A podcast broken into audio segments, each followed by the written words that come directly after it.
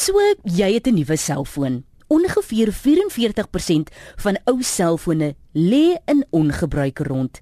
Tussen 65 en 80% van hierdie selfone se materiaal kan herwin of hergebruik word. Het jy geweet jy kan jou ou selfone neem na sekere selfoonhandelaars in Suid-Afrika vir herwinning? Gooi jy gewoonlik sommer net ou toestelle soos daardie selfone en skootrekenaars saam met jou ander vullis weg?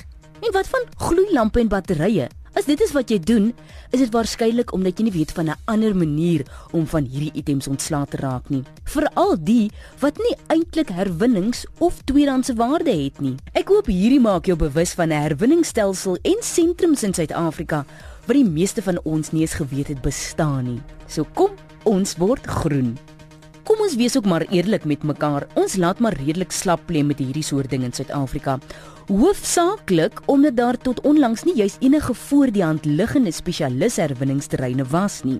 Nou gaan ek vir jou vra, het jy al enige van daardie bokse buite groot kettingwinkels gesien waarin jy jou gebruikte batterye kan weggooi? Batterye bevat onder andere verskeie sure en swaar metale wat mettertyd kan uitlek en die watervoorraad naby vullestreine kan besoedel.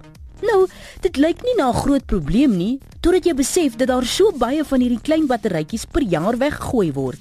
Tel dit bymekaar en dit kan oor 'n lang tydperk 'n taamlike ernstige besoedelingsbron raak. Hier moet ek jou ook bewus maak van gloeilampe wat dalk as probleemkinders gesien word, want dit bevat klein hoeveelhede kook wat behoorlik weggegooi moet word. Vandag het die meeste winkelsentrums daardie herwinningshouers vir kompakte fluoresent gloeilampe, dikwels buite die groter supermarkte.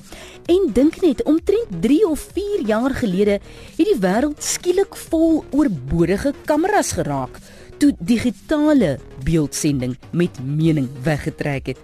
Hoewel daar op die oomblik geen spesifieke herwinningswaarde in kameras lê, soos byvoorbeeld in selfone nie, bly ons teesinnig om hulle in die gewone plastiek en metaaldromme te gooi. Afhangende van watter kamera jy het, kan fotografiese skole dalk bly wees om dit in die hande te kry. So tegniese hoërskole of die meeste wetenskaponderwysers om die waarheid te sê, kan hulle gebruik in lesse oor lense en so meer. Dis ook altyd die moeite werd om by die vervaardiger te hoor of hulle dalk 'n herwinningsbeleid volg. En kom ons fokus gou op daardie ou rekenaars, drukkers en monitors. Dit is van groot waarde vir herwinnaars. En weens hul grootte en komponente behoort hulle nie in die algemene afvalstroom te beland nie. Die meeste munisipaliteite het nou toegewyde e-rommel herwinningssentrums, gewoonlik groot groenhouers by tradisionele tuinafvalterreine. Onthou net om al die inligting op jou harde skyf af te vee voordat jy daardie skyf weggooi.